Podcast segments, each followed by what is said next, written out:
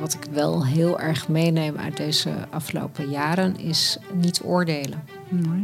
Dus het is zo makkelijk, en dat zie je ook in deze tijd, om elkaar of over elkaar te oordelen en te veroordelen vooral. En ik heb zelf ervaren en gezien, en niet alleen bij mezelf, maar ook eh, van dichtbij bij vele collega's.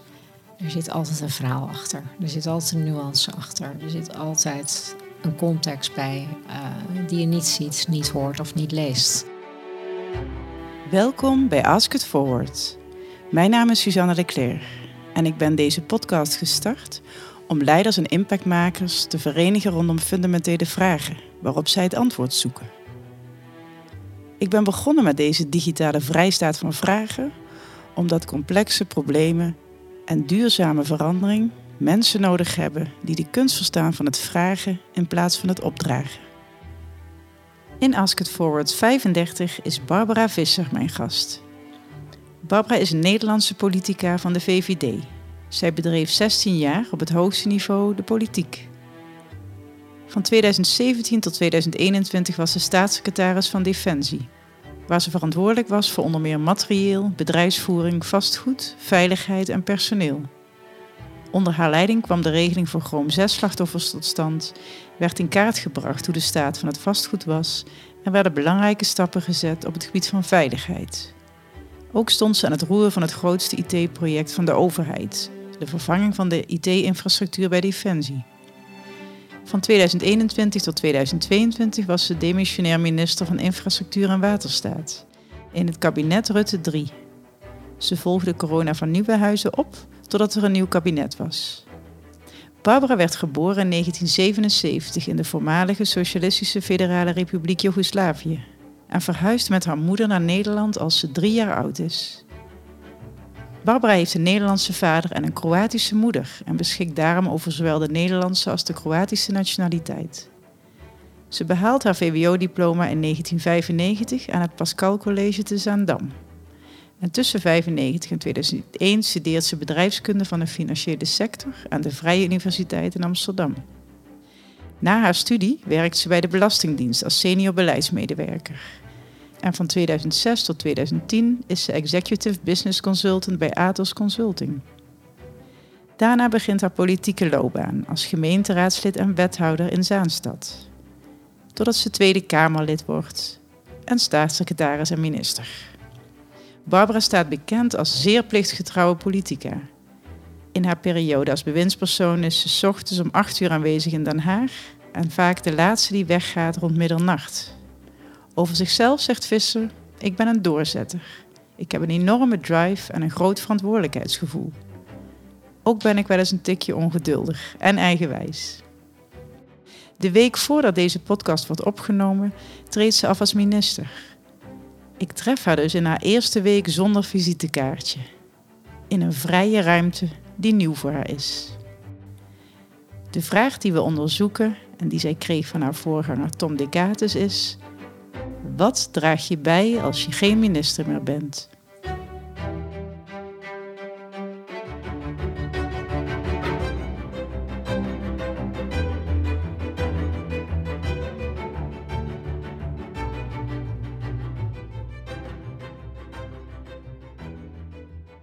Goed, Barbara, daar ben je. Ja. Ontzettend fijn en welkom bij Ask It Forward. Net uit Kroatië terug, hè? net geland. Ik ben blij dat je hier bent, want een paar weken geleden toen ik je benaderde, was je nog minister. Ja. En uh, wie ben je nu? Wie ben ik nu? Amteloos burger. Amteloos burger. Amteloos burger, nou, ja. Die titel is alleen al een visitekaartje Ja, dat klinkt mooi, hè? Ja. vind ik zelf ook. Oh, geweldig. Ja. En hoe voelt dat? Ja, dat voelt heel erg gek. Het voelt heel erg gek als je gewend bent om, uh, nou ja, heel veel te doen. En altijd ook energie krijgt van, uh, van werken. En ineens heb je geen werk meer. Dus dat is, wel, dat is wel even wennen. Ja. Ja, dat kan me voorstellen. Daar gaan we het uitgebreid over hebben.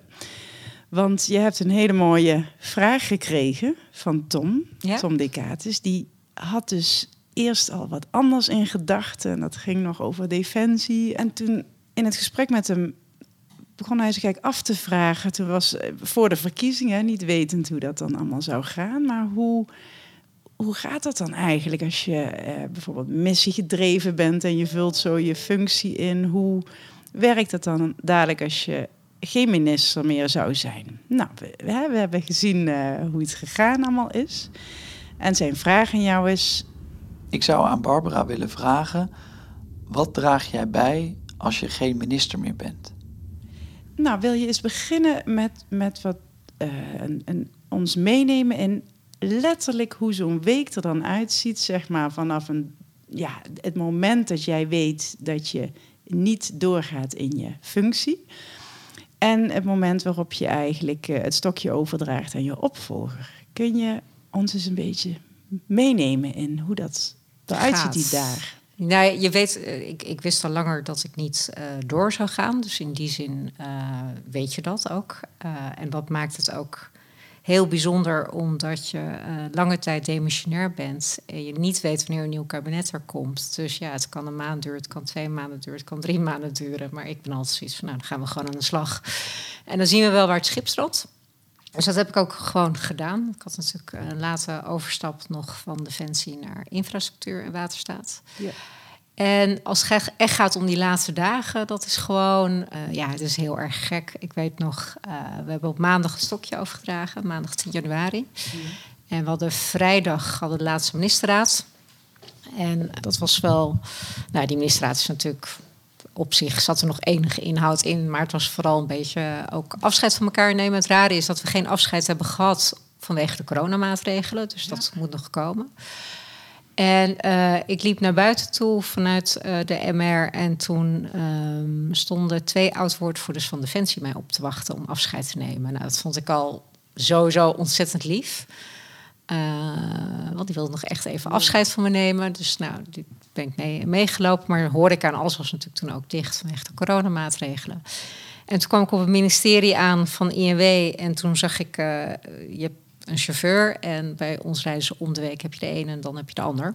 En ik zag een van de chauffeurs die die week er niet zou moeten zijn, die zag ik in spijkerbroek. En chauffeurs hebben altijd een pak aan. Dus ik zei van, Ben, wat doe jij hier? ben jij het wel? Precies, maar ik had echt zoiets van, wat doe jij hier? En uh, wat bleek nou, ze hadden nog een verrassing voor me geregeld. Dus ze hadden, ik kwam binnengelopen, dus ze hadden mijn kamer versierd. En ze hadden oliebollen gehaald, champagne oh. en uh, toeters en slingers en weet ik wat allemaal. Dus uh, nou, voor de mensen die er mochten zijn, die waren er nog. Want ook toen natuurlijk de coronamaatregelen. Dus die hadden me verrast. Uh, als een soort afscheid van, uh, vanuit de INW met zeg maar het team met wie ik uh, heb samengewerkt. Dus nou ja, oliebollen gegeten, champagne gedronken. En ze hadden nou, hele leuke cadeaus hadden ze voor me bedacht. dus dat was echt wel, dat was heel erg leuk die, die vrijdag. En dan weet je het en dan heb je die maandag en dat is, ja, dat is helemaal voorgeschreven. Dan kom je op uh, het ministerie en dan weet je wanneer je opvolger wordt beëdigd, hoe laat het is, wanneer ze van de koning naar uh, het ministerie rijden. En dan heb je de formele overdracht. En uh, nou ja, dan teken je. En dan, dan ben je er niet meer van. Dat is heel gek. En dan word je naar huis gereden. En dat that's it. Ja, dat is... Ja. S ochtends ben je, nog, ben je er nog van. Uh, en wat er die dag gebeurt, uh, dat, dat komt dan nog op jouw konto die ochtend. En als je eenmaal je handtekening hebt gezet, dan is je opvolger ervan. En dat is, ja, dat is heel, heel gek. Ja. ja. Want hoe, hoe, hoe werd je wakker de dag daarna? Ja, uh, heel erg gek. Het, het, het, gekke was dat het besef pas een week later kwam. Uh, toen was het eerste, het eerste mondelinge vraaguur. Uh, of nee, dat was een week later weer, want men had eerst een regeringsverklaring. Maar het was voor het eerst in tien jaar dat ik niet naar het mondelinge vraaguur hoefde te kijken of me mee bezig moest zijn. Natuurlijk als Kamerlid ja. ook.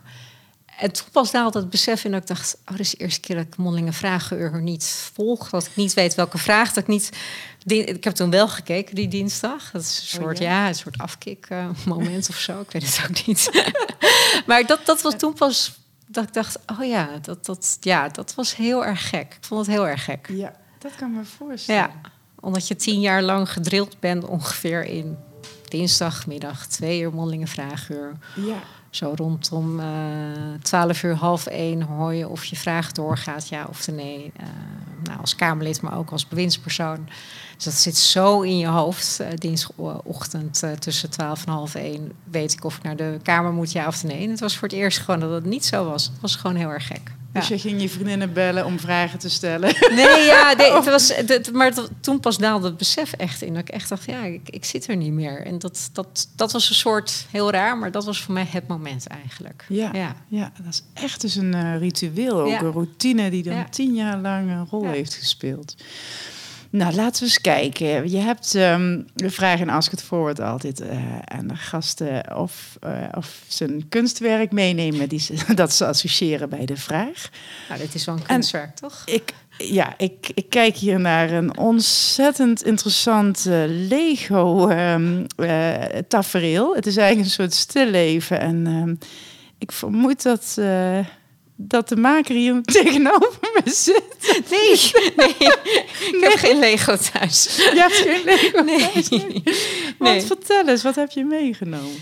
Nee, de, de, vraag is, wat neem je mee? En uh, ik ben in al mijn uh, functies die ik heb gehad... Uh, neem ik altijd cadeaus die ik heb gekregen van mensen mee naar mijn volgende werkplek. Dat is een soort aandenken van oh, ja. persoonlijke, vooral persoonlijke cadeaus. Dus ik zat ook te twijfelen welke ik zou, mee, uh, zou meenemen. En uh, deze heb ik als laat. Nou ja, ik heb natuurlijk bij INW cadeaus gekregen. Maar dit is een van mijn cadeaus die ik uh, niet zozeer bij een afscheid heb gekregen. Maar op 17 maart 2021, dus verkiezingsdag. vond ik dit op mijn bureau met een persoonlijke brief erbij van vijf pagina's van een van mijn directeuren bij Defensie. En dit was zijn cadeau aan mij. Uh, dus hij wist natuurlijk toen nog niet wanneer ik weg zou gaan. Maar hij wilde uh, één zeggen dat hij het jammer vond dat hij niet op mij kon stemmen. en dat hij anders op mij had gestemd die dag. en hij wilde mij bedanken voor de inzet. Dus wat hij had gedaan was dat hij op dossiers die we gezamenlijk hadden behandeld in al die jaren. nou, het eerst echt een hele mooie persoonlijke brief. ik heb ook eerst echt gewoon tien minuten moeten huilen vanwege die brief. Dat ik echt dacht van zo persoonlijk en zo mooi.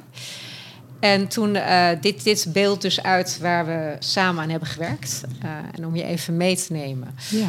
Uh, dit is een radarstation. ja. we hebben er twee in Nederland. op dit moment eentje in Nieuwmillige in Utrecht. of nee, niet in Utrecht, bij Apeldoorn. Dit is... en in Wier in Friesland. En die moet worden vervangen. Nou, er is heel veel gedoe over de plek waar dat moet. Uh, een bijzonder dossier, laat ik het zo noemen. Uh, dan hebben we de Dixie-toiletten. Uh, als je aan mij vraagt wat heb je achtergelaten bij Defensie, dat zei ik ook altijd gekscherend. Dan zei ik altijd Dixie-toiletten op Schaarsbergen. Ik heb me ooit echt als staatssecretaris moeten bemoeien en ook echt moeten ingrijpen voor Dixie-toiletten. Dat ik echt dacht, wat, wat doe ik?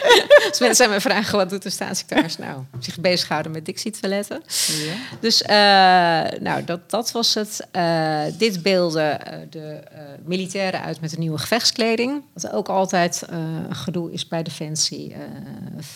65.000 mensen die er werken. Dan moet je realiseren dat militairen om de drie jaar van functie wisselen. Uh, gemiddeld gesproken al anderhalf jaar. En bij iedere functiewisseling ook weer een nieuw kledingpakket krijgen. Dus wij doen meer dan bol.com op het gebied van kleding. Uh, dat is giga, wat, wat, hoeveel uitrustingstukken. En er was ook wat gedoe mee. En uh, dit is het waarschuwingsbord voor de bananenschillen... die je altijd bij een uitvoeringsdepartement vindt. Zoals Defensie. En nou ja, hij zei, je hebt er genoeg ontweken eh, dan wel gezien. Dus dit was een soort van zijn bedankje aan mij. En ik heb me voorgenomen. Deze heb ik ook meegenomen. Deze stond ook prominent op mijn INW-bureau, kantoor. Oh. en ik heb me voorgenomen om bij iedere werkplek deze weer mee te nemen en deze weer op mijn bureau te zetten. Dus dat jij me vroeg iets mee te nemen. Ik heb natuurlijk al mijn spullen in dozen gedaan. Die staan beneden bij mij in de schuur. Ons, ja. Die ga ik meenemen naar mijn volgende werkplek. Oh, ja. En ik weet nog natuurlijk niet wat die zal zijn, maar deze gaat zeker mee. Wat mooi. Ja. En die doos, die, die vult zich dan hè, eh, door de tijd heen. Maar dit zijn dus. En wat maakt dat dit zo dierbaar voor je is? Is het, is het de man die de moeite neemt om zo'n brief te schrijven en dit te maken en te vertellen? Of is het uh, de inhoud van de thema's die je hier uh, samen ziet komen? Of iets dan? Wat, wat raakt je? Hier? Nou, ik, ik denk vooral in het feit dat je dit al maakt. Ja. nou, daar heb je wel plezier in je leven. Ja, nee, nee, maar ik, ik moest gewoon... Ik, ik dacht, ik kwam echt binnengelopen en ik, dit, lag, dit stond zo op mijn bureau. Dus ik had echt zoiets van, wat, wat, wat is dit? Wat, nou ja, ik had wel door dat een Dixie-toilet en eh, militairen waren. Maar Ja. ik, ik, had, nee, ik wist natuurlijk niet zo goed wat het was.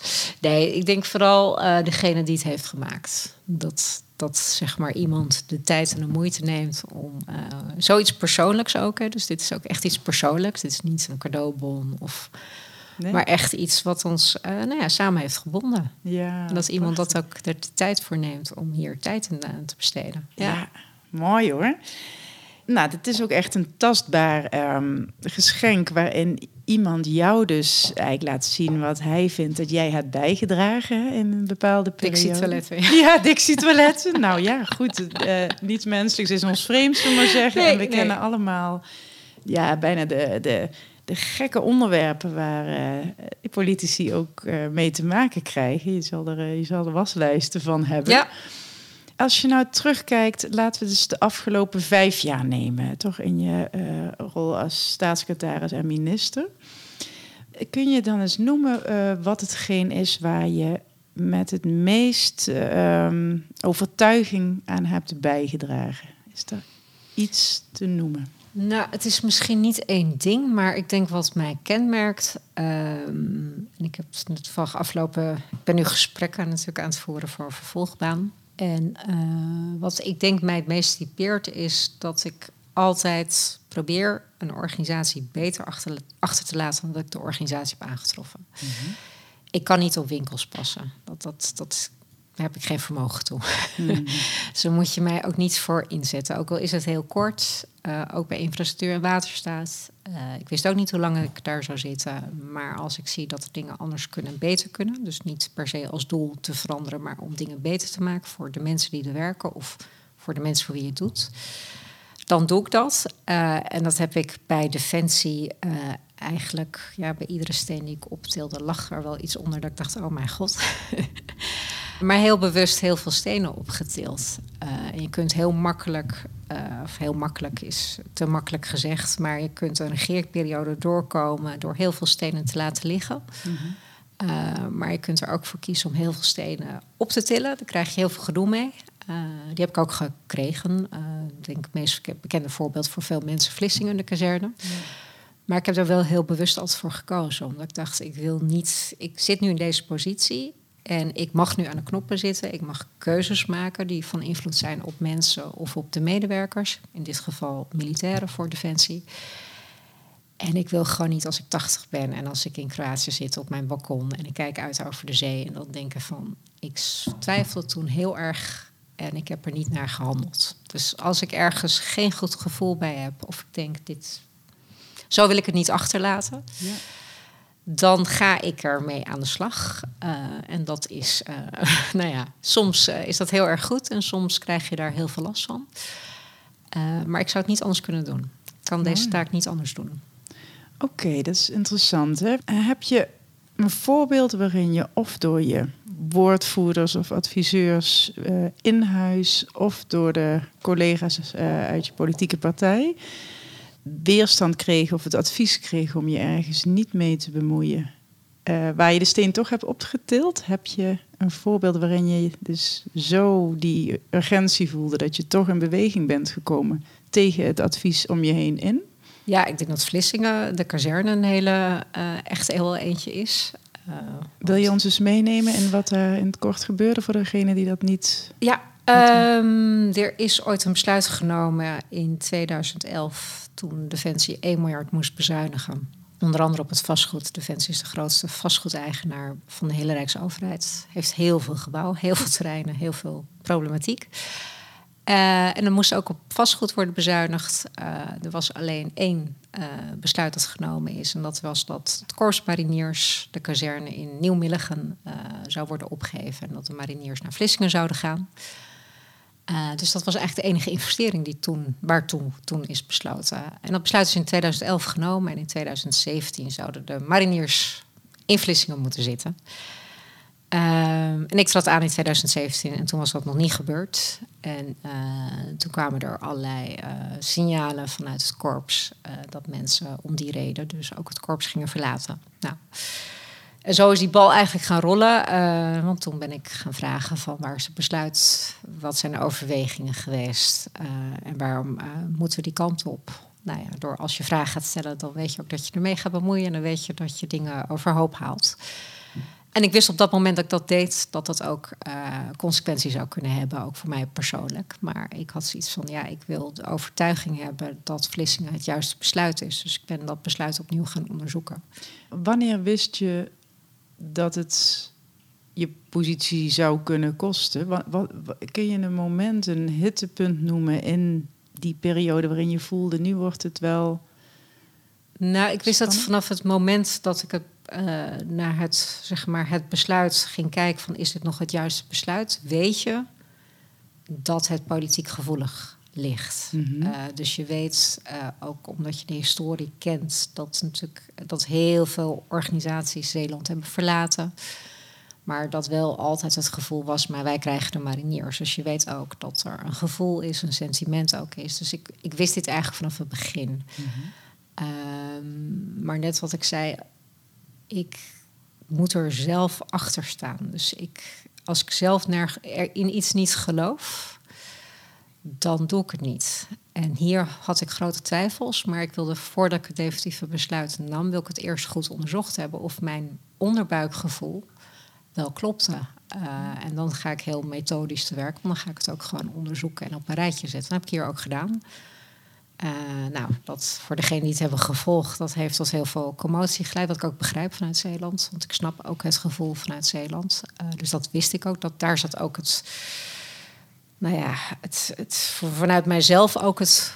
Dat je, je voelt het en je weet het. En je weet dat, dat, daar die confrontatie gaat komen. En hoe ongemakkelijk dat ook zal zijn. En eh, hoe terecht men boos ook op je wordt. Dus dat, eh, nou, ik snapte ook helemaal wat er gebeurde.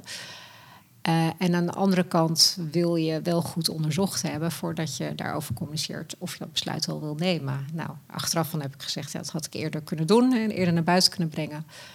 Maar ik wilde ook geen onrust van, ja, ik twijfel. En dan zeggen mensen, ja, en dus, interessant, maar wat ga je doen? Dus, nou, daar heb ik heel veel gedoe over gehad. Ehm, maar het gedoe ging heel erg over het proces en de communicatie, maar niet over uiteindelijk het besluit. De Kamer heeft niet het besluit heroverwogen. Het is interessant wat er gebeurt, hè? want in mijn filosofie en onze visie, wij pleiten eigenlijk voor meer onderzoeksruimte. Ook zeker daar waar de onderbuik gaat spelen en er ergens het gevoel iets is dat er iets niet klopt.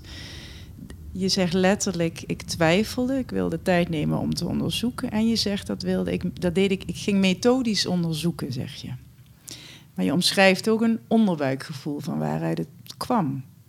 Kun je eens vertellen hoe je onderzocht en of jouw menselijke gevoel bij het waarom je dat deed, of je dat nog een rol liet spelen in je communicatie tussentijds. Hoe onderzocht je de kwestie? Nou ja, heel eh sec en heel feitelijk door gewoon opnieuw te kijken naar Nederland en eigenlijk te zeggen als ik er nu een besluit over zou moeten nemen, welke overwegingen spelen dan een rol? Waar zou ik op eh, beoordelen? Wat zijn voor mij de belangrijkste overwegingen? Eh, en zo eigenlijk Nederland weer opnieuw onderzocht. Dus eigenlijk opnieuw eh, gekeken naar het dossier. Dus eigenlijk alsof er geen besluit was genomen. eh, in die zin van toen is Vlissingen eruit gekomen, is Vlissingen nog steeds de beste keuze. Dus met dat als vertrekpunt, maar dan wel kijken van wat zijn dan nu de afwegingen die dan nu ook een rol spelen. En komt dan daar dan ook weer Vlissingen uit. Dat, dat, Ja. dat was de, de, het proces. Ehm, en ik heb dat heel bewust, heel methodisch gedaan. Omdat ik vind dat juist als je dit soort dingen heroverweegt... dat je dat niet alleen maar op basis van een onderbuikgevoel kunt doen. Nee. Uh, want daar is gewoon een democratisch genomen besluit voor genomen. Heeft de Kamer mee ingestemd. Uh, en uh, nou, zijn bestuurders ook in Zeeland konden daarop vertrouwen. Dus als je al zoiets doet, dan moet je daar goed over nadenken. En vind ik ook dat je in beeld moet brengen van waarom en hoe je het hebt aangepakt. Ja. en zo heb ik dat gedaan. en dit, dit is één voorbeeld, maar er zijn meer van dit soort voorbeelden. Ander is nou, een heel groot, het grootste IT-contract van de hele Rijksoverheid. Uh, ook tegen alle adviezen in gepauzeerd. Uh, ook omdat mijn gut feeling zei: ik wil gewoon kunnen nadenken of ik deze kant nog wel op wil. Ik, eh, ik, ik heb het gevoel dat ik ergens in zwem en eh, ik heb het gevoel dat ik er niet uit kan zwemmen. Ja. Uh, en voordat ik dat gevoel heb, wil ik zeker weten dat de juiste keuzes zijn gemaakt. En dan heb ik eigenlijk ook een hele proces weer opnieuw heroverwogen, opnieuw, nou ja, helemaal eigenlijk weer opnieuw aangepakt. Weer van, hebben we nou de juiste keuze gemaakt? Uh, zit het goed? Uh, aanleiding was een negatief advies van de toetsingscommissie IT. Die uh, naar aanleiding van verschillende mislukte IT-projecten bij de overheid is gestart, commissie Elias. Mm -hmm. um, maar ook weer die methodische aanpak van... oké, mijn onderbuik zegt nee, er klopt iets niet. Ik heb het gevoel dat ik een fuik inzwem. Uh, maar alleen op je onderbuik kun je geen besluitvorming doen. Nee. Dus dan moet je, en als ik heb altijd geleerd om wel af te gaan op mijn onderbuik in de zin van uh, een soort nou ja, dan toch te kijken van uh, waarom heb ik dit gevoel nou bij dit dossier? Wat speelt er dan? Wat, wat is er dan nodig? En dat wel op een rijtje te zetten. En dat heeft geleid tot vertraging. Dat is precies wat jij zegt. Dat is niet per se, maak je dat geliefd. Uh, plus dat iedere aanbestedingsjurist allerlei vlekken kreeg en in paniek was. Uh, maar voor mezelf, dat ik denk, ja, ik, en dat begint met het beginsel hoe ik aan deze klus ben begonnen en überhaupt altijd in een politiek heb gezeten. Ik wil dat ik het beter achterlaat zoals ik het heb aangetroffen. En twee, ik vind dat mijn opvolger, omdat ik in alle dossiers die ik heb aangeraakt, gaan mijn opvolgers gaan dat ervaren. En die moeten weten welke afwegingen en overwegingen er bij mij op tafel lagen. En misschien zijn ze het helemaal oneens met mijn besluit. En hebben ze, hè, kunnen ze altijd intrekken of anders doen. Maar dat ze kunnen volgen waarom ik tot een besluit ben gekomen. Ja. Uh, dat vind ik zelf heel erg belangrijk. Juist omdat je steeds een stokje overdraagt. Ja. En je als bewindspersoon uh, een hele bijzondere positie hebt. Je bent eigenlijk een passant in een organisatie. Uh, maar bent wel verantwoordelijk en moet besluiten op dat moment nemen waarvan je weet, en datzelfde geldt ook bij INW, een gemiddeld project van besluitvorming tot realisatie duurt 15 jaar. Nou, ja. bij Defensie is dat ook zo. Dus uh, mensen moeten kunnen traceren waarom ik linksaf of rechtsaf ben gegaan.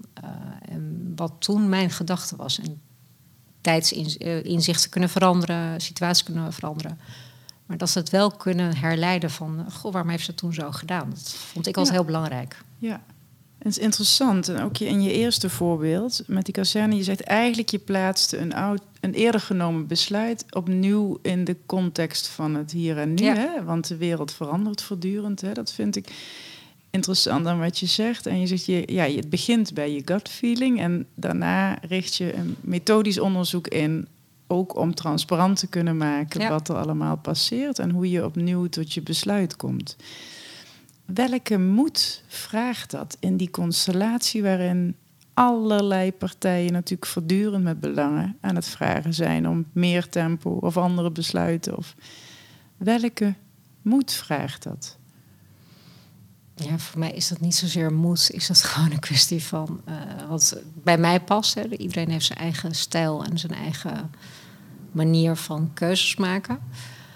Ik vind in deze rol meer dan, denk ik. Maar uh, ik praat nu vanuit zeg maar, uh, mijn gevoel uh, nu. Um, maar juist in deze rol, omdat je, bewinst, omdat je het stokje overdraagt, dat je het juist heel erg transparant moet zijn in de afweging die je maakt voor je opvolger. omdat hij altijd iets erft, de positieve dingen en de negatieve dingen. En nooit alles kunt oplossen in een energieperiode, in ieder geval bij Defensie bijvoorbeeld, maar ook bij infrastructuur en waterstaat. Um, dus voor mij is het niet zozeer moed, maar gewoon een no-brainer. Dat ik denk, ja, ik, ik, zou niet anders kunnen werken. Dus voor mij is het zo vanzelfsprekend dat ik denk, um, dit is hoe ik het. Ik zou het niet anders kunnen doen, laat ik het zo zeggen. Nee. Heb je altijd gevoeld dat je doet wat je hebt te doen? Of zijn er ook momenten geweest waarop je op de weegschaal uitkwam van nu gaat het om een positie of mijn moraal volgen? Nee, uiteindelijk heb ik altijd, sta ik achter mijn keuzes. Dus uh, uiteindelijk hebben die keuzes wel consequenties. Hè. Dus de, de kazerne in Vlissingen was natuurlijk ook een debat in de Kamer... met moties van afkeuring die het niet hebben gehaald richting het kabinet. Maar ja, dat zijn niet de debatten waar je op zit te wachten. Als, uh, je moet verantwoording afleggen in de Kamer. Dat, uh, dat is vrij normaal, maar dat zijn natuurlijk heftige debatten waarvan je weet, je weet niet hoe het afloopt. Dus je, je, je gaat dat debat open in, in de zin van kijken hoe uh, het debat ook met de Kamer gaat. Uh, maar je weet niet wat de uitkomst is. Nee. Uh, dus, dus dat heb ik wel meegemaakt. Maar ik heb niet. en daarom heb ik misschien dingen ook heroverwogen. die zwaar, zoals Vlissingen bijvoorbeeld, het zwaar bekritiseerd is. Wat ik ook snap hè, vanuit Zeeland. Maar juist vanuit dit perspectief, dat ik dacht, ik wil niet achteraf denken, had ik toch maar X, Y of Z gedaan. Uh, zo wil ik niet besturen. Dus ik wil het nou ja, met alle consequenties van dien. En die consequenties kunnen ook persoonlijk zijn, namelijk dat je moet aftreden of wat dan ook. Maar dat is voor mij ook besturen. Dat je uh, bereid bent om uh, te heroverwegen, uh, daar verantwoording over af te leggen. En met als consequentie ook dat het voor jou persoonlijk gevolgen kan hebben. Maar voor mij gaat het uiteindelijk om twee hele basale dingen.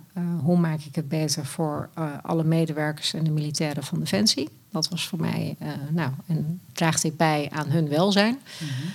Uh, en twee, belastinggeld. Ja, hoe zorg je ervoor dat het, hè, dat, dat IT-project bijvoorbeeld, nou, dat, je, dat je daarachter kunt staan, dat je zo'n contract afsluit. Dat zijn voor mij ja, twee hele basale dingen die ik altijd meeweeg daarin. En kan ik het dan uitleggen vanuit mezelf? En als ik zelf het gevoel heb dat ik het niet kan uitleggen, omdat er iets speelt wat ik nog niet kan vastpakken of kan, tastbaar kan maken, dan ga ik het onderzoeken. Want ja. dan denk ik van er speelt iets, kan het, kan het niet duiden. Ik weet niet exact wat het is. Maar ik ga proberen om het juist wel heel exact methodologisch te duiden. Om daar meer inzicht in te krijgen. Ook voor mezelf, maar ook voor de uiteindelijke besluitvorming. En welke rol ken jij toe dan aan, als het gaat om, om Vlissingen als voorbeeld? Hoe luister jij dan en naar wie? Nou ja, kijk, dit, als je dit doet, dat kan je niet met mensen delen. Want het is natuurlijk iets wat je zelf uh, doet. Dus dat is in een zeer beperkte kring dat je dat uh, bespreekt. Uh, maar tuurlijk heb ik gevoel bij wat er in Zeeland gebeurde. En dat snap ik ook. En ik snapte ook de boosheid die ik kreeg. En dus ik, ja, dat zou ik in hun positie ook hebben gedaan. Dus ik probeer me ook altijd te verplaatsen in de ander in, in zo'n besluit. Uh, betekent niet dat ik dat besluit dan niet neem. Uh, maar ik snap het wel. En datzelfde geldt voor dat IT-project. Ik snap dat zo'n consortium daar dan iets van vindt. Dus daar hou ik wel rekening mee in de zin van dat ik me probeer te verplaatsen hoe in de ander en hoe zo'n boodschap dan valt. Uh, maar het is niet voor mijn afweging om het dan niet te doen als blijkt uit nou ja, alles wat ik dan probeer op een rij te zetten als dat niet het juiste besluit in mijn ogen nee, zou zijn. Dat is helder. Nee. Dus uh, het speelt wel mee. Ja. Maar het is niet voor mij doorslaggevend in de keuze die ik uiteindelijk maak. Nee, helder. En wat is jou nou in die afgelopen vijf jaar echt aan het hart gegaan? Als je kijkt, nou, nee, laat ik hem uh, gewoon openstellen. Wat is je aan het hart gegaan? Ja, heel veel. Ik denk dat. Uh, ik ken de Defensie natuurlijk helemaal niet zo goed. Helemaal niet, eerlijk gezegd. Uh, ik ken de Defensie vanuit de missies die men deed. En dat waren de debatten in de Kamer. Mali was, nou ja, daar is Janine Hennis ook is daarop afgetreden over het ongeval wat daar heeft plaatsgevonden. daar ken ik Defensie van, maar voor de rest kende ik de hele organisatie eigenlijk niet. En de organisatie had ook al zeven jaar lang geen staatssecretaris gehad. Dus die waren ook in opperste verwarring. dus dat was heel bijzonder. Uh, dus die hadden echt zoiets van... Uh, oh, we hebben een staatssecretaris. Ze hadden geloof ik net een secretaresse geregeld en een chauffeur. En dat was het. Dat, dus oh, ja. Was, ja, het was echt heel, heel, heel bijzonder. Oh, ja. Dus dat was bijzonder om te beginnen. En ik, ik zal ook nooit mijn eerste week beginnen. Want daar is het nu ook wel weer een soort cirkeltje is rond. In mijn eerste week, ik ben op donderdag beëdigd. En die week daarna hadden we de regeringsverklaring. En um, ik kreeg op nou, donderdag beëdigd. En ik kreeg op maandag door van uh, hoofdwoordvoering... ja, de Volksstand is bezig met een artikel van een misbruikzaak. Oké. En we hadden de regeringsverklaring... En dat, uh, die ochtend was dat artikel verschenen in de Volkskrant. ging over een zaak in Schaarsbergen 2013, waar drie mannelijke militairen zeiden dat ze uh, nou ja, misbruik, pestgedrag, nou, allerlei dingen die je niet wenst, dat ze dat hadden ervaren. En dat stond die ochtend in die krant. En ik weet nog, ging de roltrap op en ik zag allemaal camera's, mensen daar staan. En ik dacht, als voor Mark Rutte, want ze wachten allemaal op Mark. Maar het was dus voor mij. en dat was mijn eerste week. En dat is wel uh, in, die, in die zin, en ik denk dat dat misschien ook het meest is bijgebleven. ik heb heel erg de verantwoordelijkheid gevoeld voor 65.000 mensen. Als een van de grootste werkgevers van Nederland. En of het nou dit soort zaken zijn, die nu natuurlijk ook weer op een hele andere manier in de media staan. Um, maar gewoon hoe zorg je voor een veilige werkomgeving. Maar ik heb ook de Chroom 6-slachtoffers gehad. Ik heb ook ouders aan mijn bureau gehad wiens kind door toedoen van Defensie uh, is verongelukt en is overleden. heel erg dat gevoel van ik ben als werkgever verantwoordelijk voor 65.000 mensen. Uh, die een veilige werkomgeving verdienen. En dat hebben we niet altijd kunnen bieden als defensie zijnde. En ja, dat is wel voor mij als de drijfveer geweest. Ik dacht van waarom zet ik me zo in? Nou, omdat ik vind dat die organisatie beter verdient en dat de mensen in die organisatie veel beter verdienen. Ja, mooi. En ook lag je daar wel eens wakker van? Dat is nogal, als je het zo vertelt, denk ik, wat een enorme verantwoordelijkheid dan ook.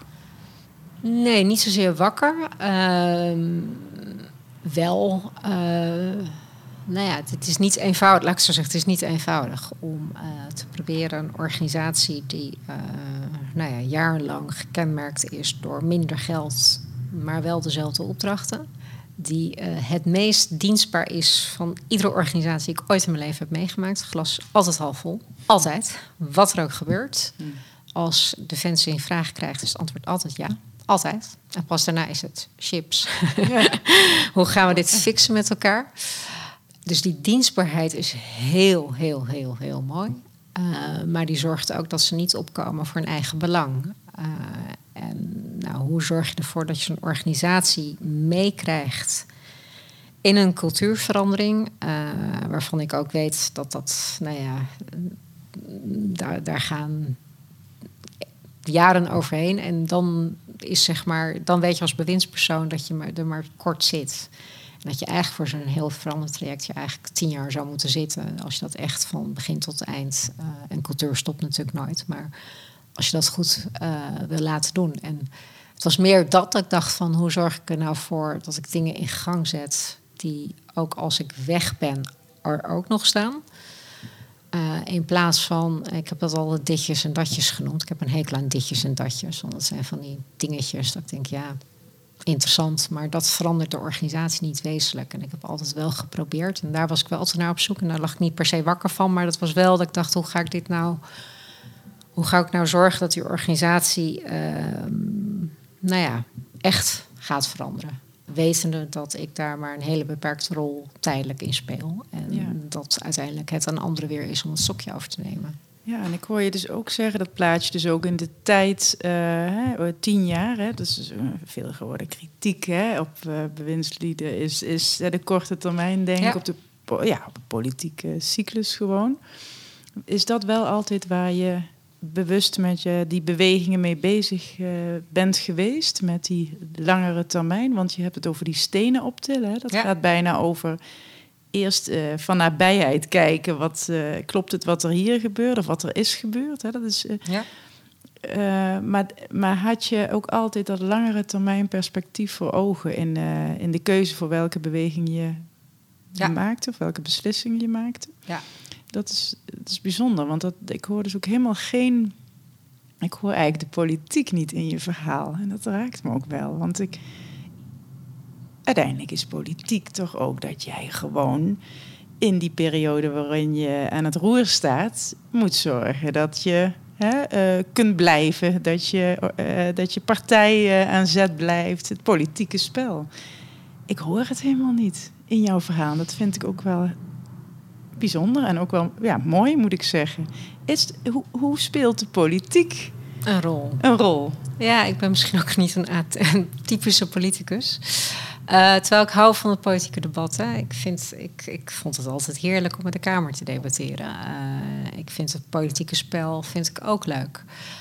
Hoe ik, dat heb, hoe ik het wel heb gedaan, is door uh, de belangen die ik zag en de doelen die ik voor ogen had, vanuit het perspectief hoe maak ik de organisatie beter voor de mensen en uiteindelijk dus Nederland veiliger te houden, want dat is uiteindelijk de win-win situatie. Die heb ik wel politiek gemaakt, maar op een manier door uh, bijvoorbeeld, uh, Defensie heeft de naam gesloten te zijn, dat klopt ook.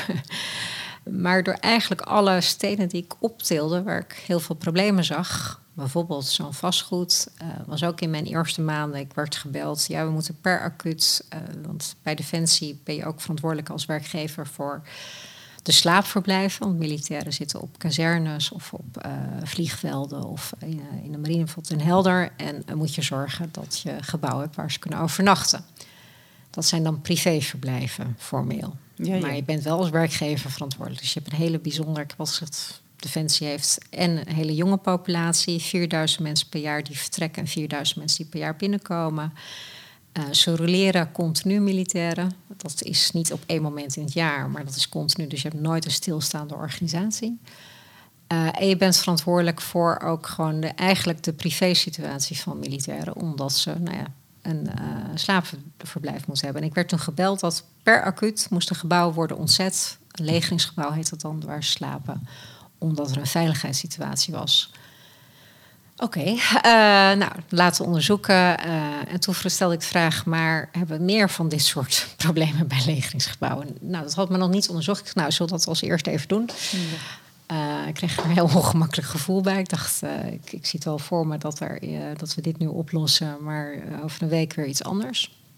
Nou, daar kwam, achter, kwam uit dat er niet acuut ergens een veiligheidssituatie was. Maar toen vroeg ik, maar hoe groot is nou eigenlijk ons probleem? Hoe groot zijn die achterstanden? Uh, en toen zei hij, dat weten we eigenlijk niet. En toen heb ik nou ja, als je iets politiek wil maken, moet je het met de politiek delen. Dus moet inzichtelijk eigenlijk weer de methodologische aanpak. Maak nou inzichtelijk hoe groot het probleem is. En uh, ja, ik ga wel het politieke debat met de Kamer aan. Dus als de Kamer tegen mij zegt, beste staatssecretaris Visser, uh, hoe kan het dat? Dan kan ik gewoon zeggen, ja, dat komt omdat we deze tekorten hebben.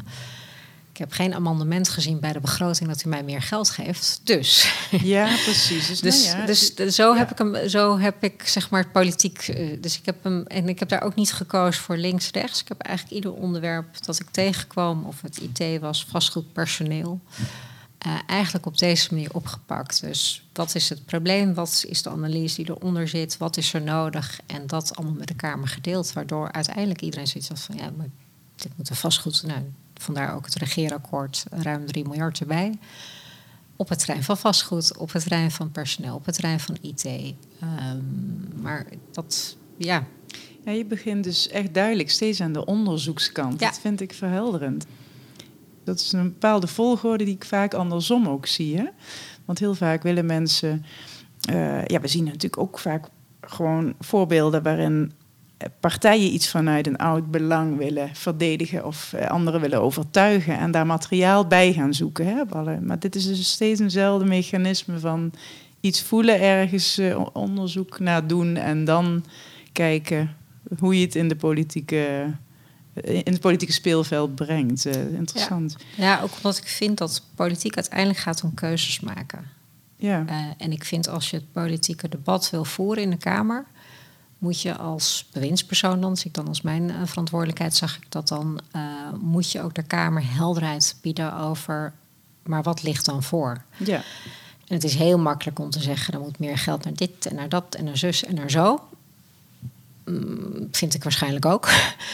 Maar ergens moet je kiezen, uh, want er is geen geldboom ergens. Uh, van wat zijn dan die keuzes en waarom maak je dan die keuzes? En voor mij was het belangrijk om dat inzicht voor, uh, samen met Anke de minister, om dat inzicht te geven van hoe groot zijn nou echt de problemen bij Defensie. Ja. En dat hebben we uiteindelijk ook op een rijtje gezet in de defensievisie. En dan komt uit 13 tot 17 miljard per jaar richting 2035. Als je aan alle nou ja, dreigingen en opgaven die er zijn je daar op een goede manier invulling aan zou willen geven, weten we dat we niet het geld in één keer zouden krijgen.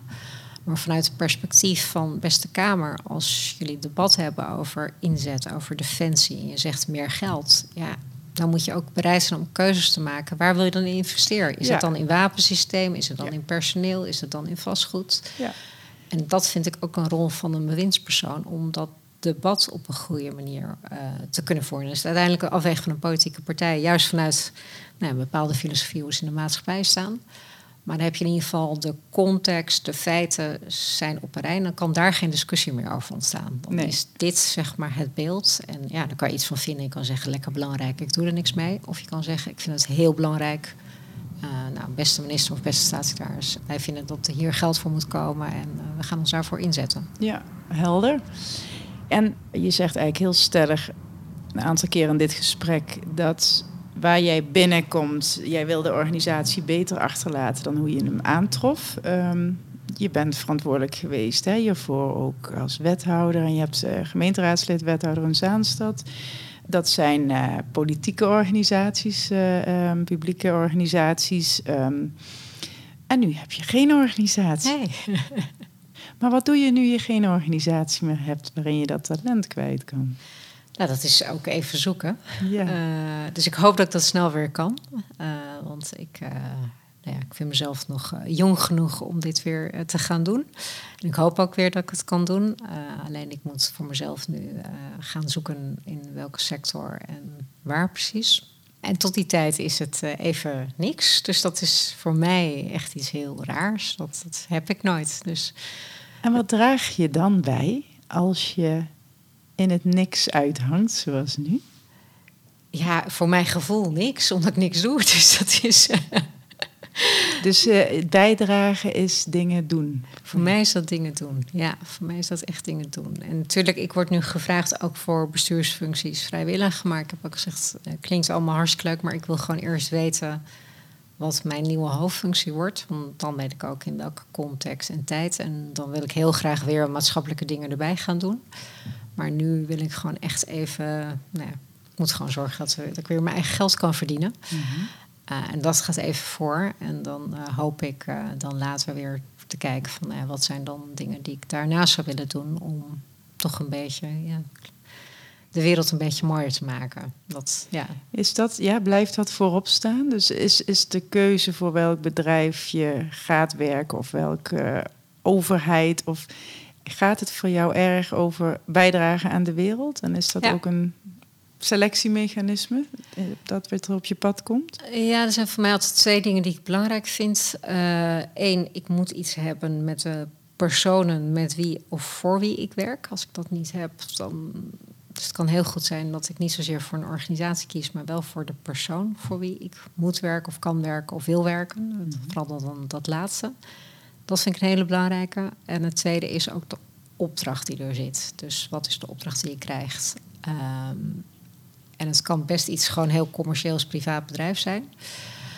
Maar er moet er wel een opdracht in zitten die ook wel iets maatschappelijks wellicht met zich meebrengt. Ehm, maar dat weet ik niet. Dat ga ik nu ervaren of dat echt zo is. En of dat, nou ja, dat ervaar je door gesprekken te voeren met mensen en uh, te horen hoe, uh, nou wat, wat zij doen. Hè. Heel veel mensen zijn ook altijd bereid om te vertellen welke, hoe zij tot hun keuze zijn gekomen en wat hun afwegingen zijn geweest. Um, maar ik denk het kan nu best wel zijn dat ik gewoon een commercieel bedrijf, maar dat ik over een paar jaar weer zeg: ik mis heel erg het maatschappelijke. Dat, ik, ik, sluit het niet uit. Maar doet het ertoe of een bedrijf commercieel is of maatschappelijk? In, um, zou jij in elke context kunnen bijdragen? Want als je uitgaat van jouw, jouw wens dat je een organisatie waar je komt beter wil achterlaten dan hoe die was, hè, dan zou je kunnen zeggen dat je ook bij de meest nou, ik noem maar vervuilende organisaties nu een bijdrage zou kunnen leveren om ze minder vervuilend te maken. ik noem maar iets. Hè? Dat, dat, dat, type denken is wat je um,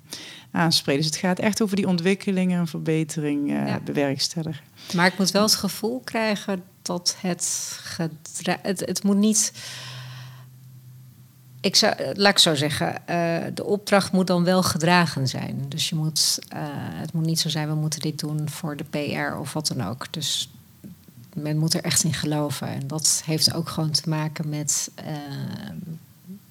nou ja, dat, ik, ik merk het als ik ergens binnenloop. Eh, of ik het gevoel krijg van dit is echt of dit is meer gewoon voor de beeldvorming. Uh, dus dat, ik moet dat gevoel hebben dat het voor echt is. Ja. Ja, dat Uh, hoor, hoor, ik in het gesprek steeds. Hè? Dat gaat dus echt over dat eerst helemaal grondig ook doorvoelen. Of dat eerst de intuïtieve kant ervan. Ja. En dan ga je het echt onderzoeken. Dus ja, je bent, um, nou ja, in die zin, uh, uh, je vliegt er niet luchtig overheen. Je pakt echt iets beet. Hè? Dat is dan ja. ook een gevolg van die stijl, uh, die stenen die je optilt. Daar ja. moet een organisatie ook wel voor durven kiezen als ze jou nemen. Hè? Als ze nee, jou, dus dat precies. is dus je, dus je grondig, weet, als je mij neemt, dat, dat er wel iets gaat gebeuren. En, en, en daarom vind ik het belangrijk om te weten voor wie ik werk. Dus of die persoon dat ook wil. En als ik het gevoel krijg dat die persoon dat niet wil, dan moet je, het, moet je mij ook niet nemen. Want nee. dan gaat het ook clashen, dan gaat daar weerstand ontstaan. En uh, dat ervaart een organisatie al heel snel als er twee mensen zitten die net een, nou, iets met de mond beleiden, maar misschien het niet, uh, niet uitdragen, ook in al hun doen en uh, handelen.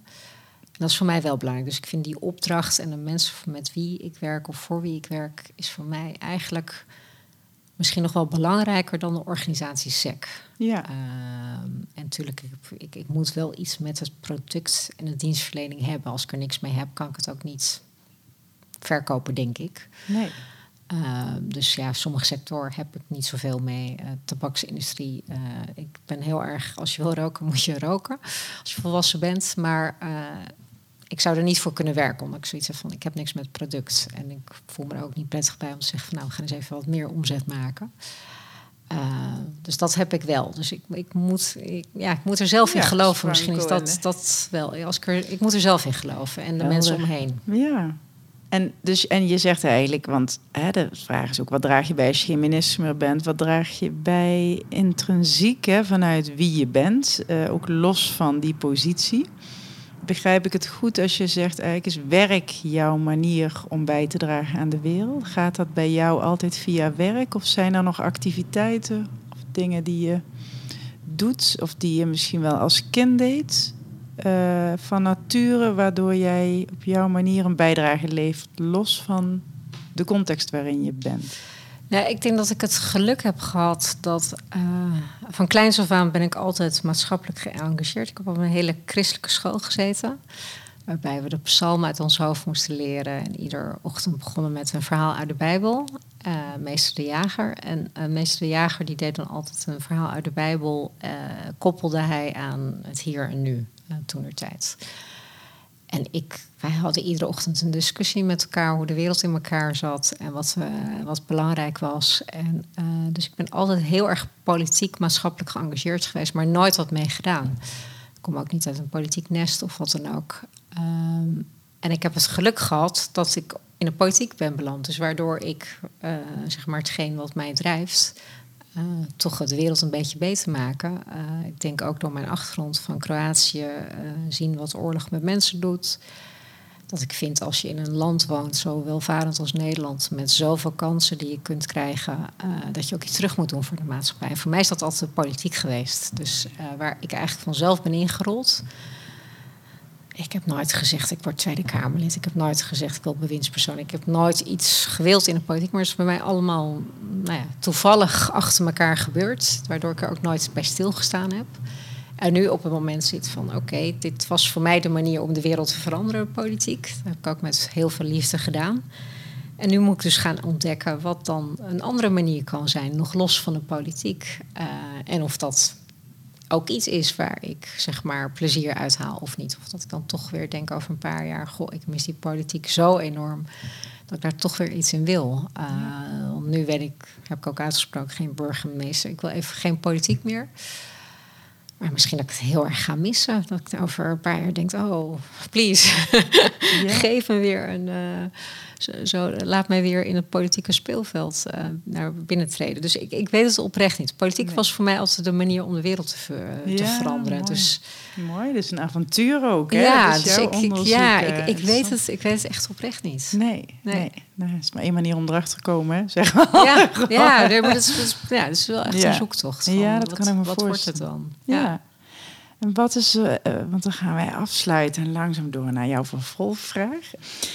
Wat is jouw, nou wel, welk belangrijkste inzicht neem je mee uit jouw politieke afgelopen jaren naar Waar je ook heen gaat, welk inzicht neem je mee?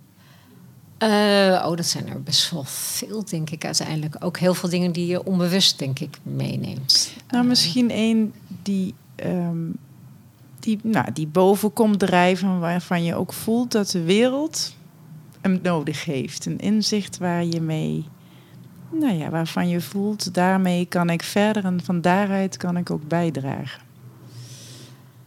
Nou, ik, ik weet niet of de wereld daar verder mee kan. Uh, maar wat ik wel heel erg meeneem uit deze afgelopen jaren is niet oordelen. Mooi. Dus het is zo makkelijk, en dat zie je ook in deze tijd, om elkaar of over elkaar te oordelen en te veroordelen vooral.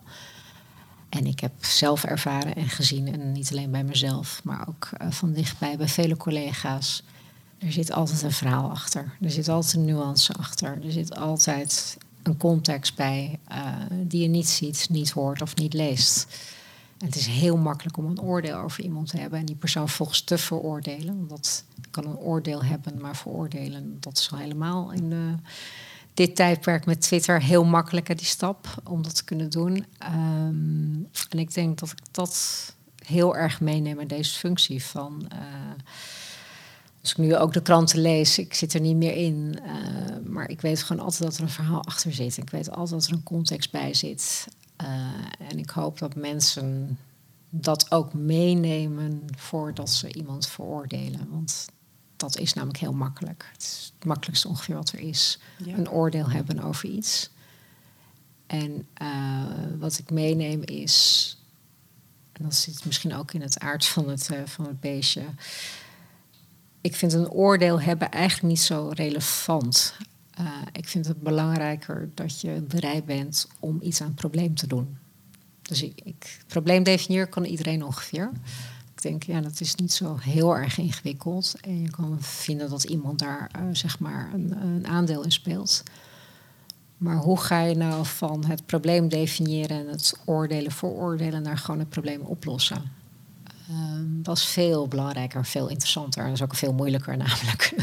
dat is, ja. Dan ga je waarschijnlijk een paar keer ook op je bek. Het is niet zo eenvoudig. Je moet iedereen ook meekrijgen. Uh, dus je kan zelf voor de troepen uitlopen. Maar als de rest allemaal achter je blijft, dan heeft het ook niet zo heel veel nut. Verander je ook nog niet. Dus ik denk dat ik dat heel erg meeneem. En eigenlijk hoop ook dat de huidige politiek um, het niet het oordelen, maar het probleem oplossen weer centraal gaat stellen. Mooi. Dat hoop ik. Dank je wel. Nou, Barbara, dan gaan we verder naar jouw opvolger in Ask It Forward. En dat is Noelle Aarts. Noelle is Nederlands deskundige op het gebied van conflict, onderhandeling, communicatie en dialoog over complexe maatschappelijke vraagstukken. Sinds 2017 werkt zij als hoogleraar socio-ecologische interactie bij het Instituut for Science and Society aan de Radboud Universiteit in Nijmegen, waarvan ze ook directeur is. Wat zou jij aan Noelle willen vragen? Ja, ik kende Noelle niet en nog steeds niet, maar ik ben haar natuurlijk op gaan zoeken en uh, was gefascineerd door haar filmpjes die ze online heeft gezet. Uh, qua college tours eigenlijk, of TED Talks moet ik zeggen.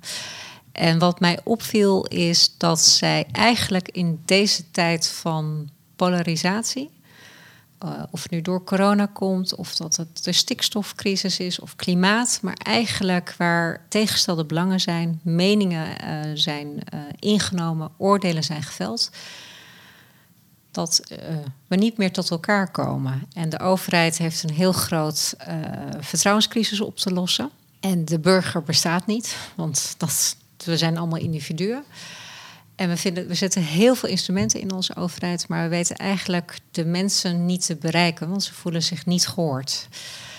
Uh, op eigenlijk al die voorbeelden die ik net noemde. En Noelle heeft uh, onderzoek gedaan. En ik zou Noelle eigenlijk willen vragen van, en doet nog steeds onderzoek, daar ga ik vanuit. Maar hoe zouden wij nou mensen, of het nou gaat om een vraagstuk zoals stikstofcrisis, of dat het nu gaat om de corona-aanpak en alles wat, nou ja, de, alle discussie rondom corona passen, maar ik, ik kan alle voorbeelden ongeveer noemen. Hoe gaan we nou de mensen bereiken als overheid? Want we slagen er eigenlijk niet in, want de polarisatie neemt alleen maar toe. Je komt alleen maar aan tafel als je een hele uitgesproken mening hebt.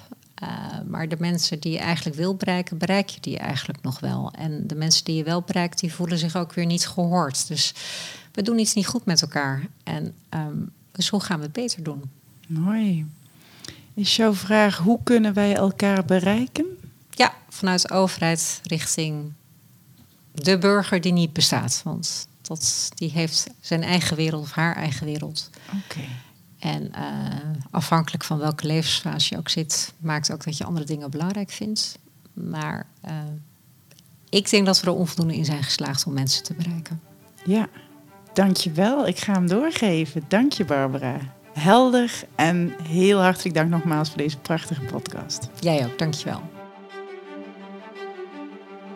Dit was Ask It Forward 35. Ik hoop dat dit gesprek je tot nieuwe inzichten bracht. Wil je meer weten over voorwaarts vragen, diep luisteren en wat onderzoekend zijn jou kan brengen? Mail voor de gratis nieuwsbrief naar mail.dcc.contact.